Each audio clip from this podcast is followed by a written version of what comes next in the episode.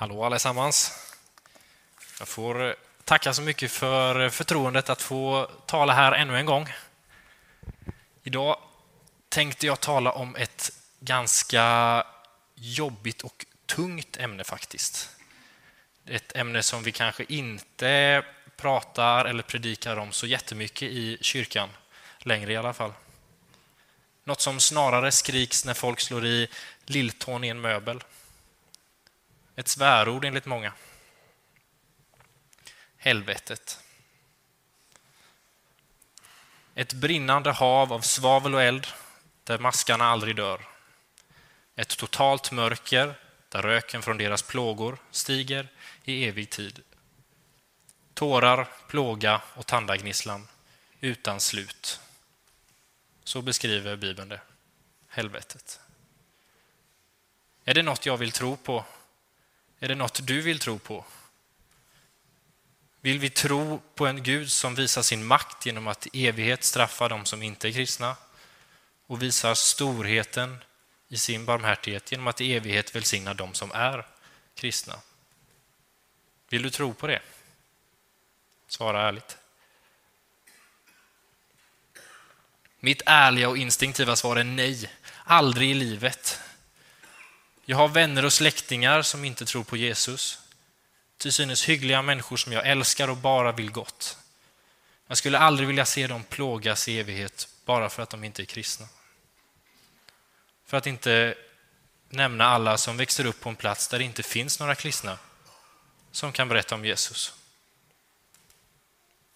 Jag hade kunnat göra vad som helst för att sanningsenligt kunna säga att alla till slut kommer till himlen. Att bli universalist. Universalism är just tanken att alla till slut kommer bli räddade. Man tänker att efter döden så får man fler möjligheter att välja att följa Jesus. Att Gud på något sätt skulle skapa flera vägar till honom. Det här är ett försök att fly från tanken på en yttersta dom, men det finns inget spår av den läran i Bibeln. Bibeln är glasklar på frågan om en evig dom för dem som inte tror. I Hebreerbrevet 6 talar författaren om grunderna i våran tro. Han skriver så här. Låt oss nu därför lämna det man först behöver lära sig om Kristus och gå vidare till en undervisning som passar vuxna. Vi vill inte börja om från början igen och lägga grunderna. Omvändelse från döda gärningar och tro på Gud. Undervisning om skillnad i betydelse mellan dopet och andra tvagningar. Om handpåläggning, de dödas uppståndelse och en evig dom. En annan tanke om helvetet är att man bara plågas där ett tag för att sedan helt utplånas. Alltså att de som inte har fått evigt liv genom Jesus helt enkelt slutar att existera. Den här läran skulle gå att försvara med bibelord om att till exempel kasta sig i den brinnande elden, alltså att de brinner upp. När det gäller den här läran behöver jag dock vara lite mer ödmjuk. Det finns flera bibeltrogna teologer som har kommit fram till den här slutsatsen och även har belägg för det. Själv ser jag det dock som ett försök att förmildra tanken på en yttersta dom och jag kan inte med, med Bibeln i handen stå och hålla med om den. Efter att ha studerat ämnet är jag plågsamt övertygad om att helvetet är just en evig plåga i medvetet tillstånd. Ett av de tydligaste bibelorden för det är Jesu egna ord i Matteus 25 när han talar om att skilja fåren från getterna. Han säger efter det ska kungen vända sig till dem som står på den vänstra sidan och säga Gå bort från mig, alla ni som är förbannade. Gå bort till den eviga elden som gjorts i ordning åt djävulen och hans änglar. Och senare i vers 46. Och de ska gå bort till evigt straff, men de rättfärdiga till evigt liv. Och Det här är bara ett av de ställena där Jesus predikar om helvetet. Han talar rätt mycket om det faktiskt. Bara i Matteus evangeliet finns det 16 ställen där Jesus talar om den yttersta domen.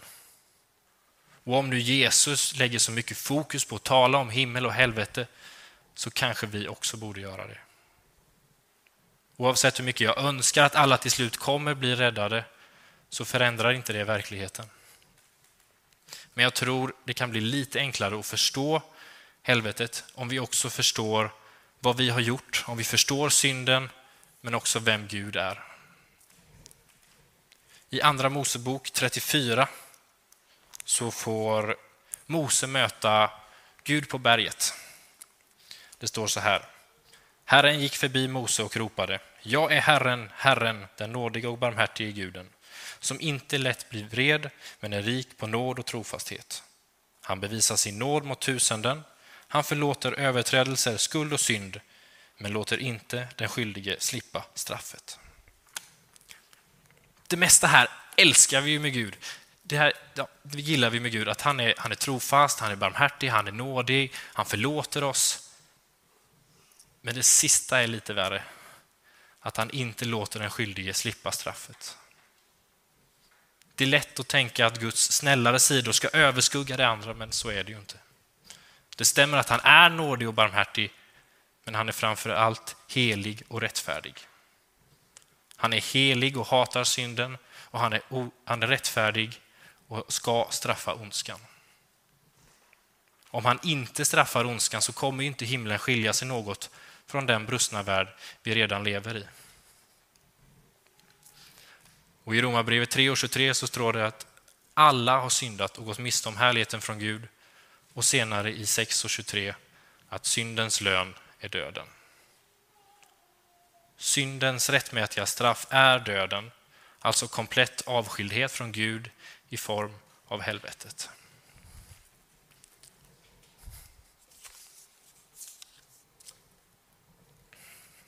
Det blir alltså fel att säga att, att Gud skickar någon till helvetet för att de inte är kristna. Ja, det stämmer att det är Gud som dömer, men det är våra egna synder som har gjort oss skyldiga dit. Helvetet är rättvist. Och även om vi förstår det så kommer ju ändå frågan upp, är ett evigt straff verkligen proportionerligt? Är det rimligt att straffas i evighet för något som man gjort under en livstid på bara kanske 70-80 år? På den frågan har jag tre punkter som kanske gör det lite enklare att förstå. Den första punkten är att längden det tar att utföra ett brott inte korrelerar med längden på straffet som man förtjänar. I vårt straffsystem idag så tar vi ju inte hänsyn till hur lång tid det tog för en brottsling att mörda, våldta eller råna, utan straffet mäts utifrån hur gudlöst och orättfärdigt det var. Något man gjort under en livstid kan alltså förtjäna ett straff betydligt längre än så. Den andra punkten är att synden kommer att fortsätta. Det är lätt att tänka att eh, de otroende kommer att omvända sig efter döden. Men i Bibeln finns det inget som antyder att de förlorades karaktär kommer att förändras på andra sidan domen. Även i helvetet kommer de inte vilja ha med Gud att göra. Deras uppror kommer att fortsätta och därför är också fortsatt förvisning från Guds gemenskap helt passande. Den tredje och sista punkten kan kallas statusprincipen och innebär att det spelar roll vem som är brottsoffret. Vi kan ju alla hålla med om att det är värre att döda en hund än en ödla. Och det är betydligt värre att mörda en människa än en hund. Och straffet skulle bli ännu värre om det var presidenten. Alltså påverkas straffet delvis av vem det är man syndar emot. Och eftersom Gud är det högst tänkbara väsendet och värdig oändlig vördnad är all synd mot honom oändligt allvarlig och därmed förtjänar ett oändligt straff. Jag vet att de här förklaringarna inte är helt vattentäta eller ger hela förklaringen. Och jag tror inte att vi någonsin kan helt och fullt förstå helvetet. Men vi kan nog heller inte helt och fullt förstå hur mycket skada våran synd faktiskt har åsamkat. Hur mycket våran synd faktiskt har skadat oss själva, skadat andra och relationen till dem, samt hela skapelsen. Framförallt hur mycket våran synd har krossat Guds hjärta. För all synd är ju ytterst mot honom eftersom att han har skapat allt. Gud har hela bilden och jag litar på att han kommer utvisa ett rättvist straff. Men han dömer motvilligt. Så här står det i Hesekiel 18 och 32. Jag finner inget behag i någons död, säger Herren. Vänd om så får ni leva. Tidigare sa jag lite lättvindigt att jag hade kunnat göra vad som helst för att stryka helvetet ur Bibeln. Men jag ljög. Jag hade inte ens kunnat betala en tusendel av det priset Jesus betalade för att befria mig från helvetet. Att han klev ner hit på jorden, levde ett perfekt liv, tog våran synd på sig och slutligen hängde i vårat ställe på korset. På samma sätt som Guds oändliga status och värde har gjort oss skyldiga till ett evigt straff när vi syndar mot honom, så gör Kristus oändliga och eviga värde det möjligt för honom att ta det eviga straffet för alla människor på bara några timmar. Trots att det var tidsbegränsat så väger Jesu offer oändligt tungt på Guds rättvisa våg. Som Gud i människa kunde han på sex timmar lida det straff som vi bara kunde lidit i en evighet. Men det slutar ju inte där, utan på tredje dagen så uppstår han igen och har därmed övervunnit döden.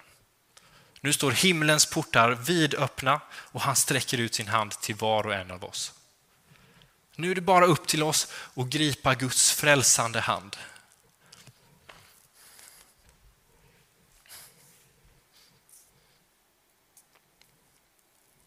Om vi omvänder oss från våra synder, vänder oss till Gud och sätter vår tro till Jesus, bara Jesus, så har han lovat att vi ska få leva i hans underbara rike evigheten lång.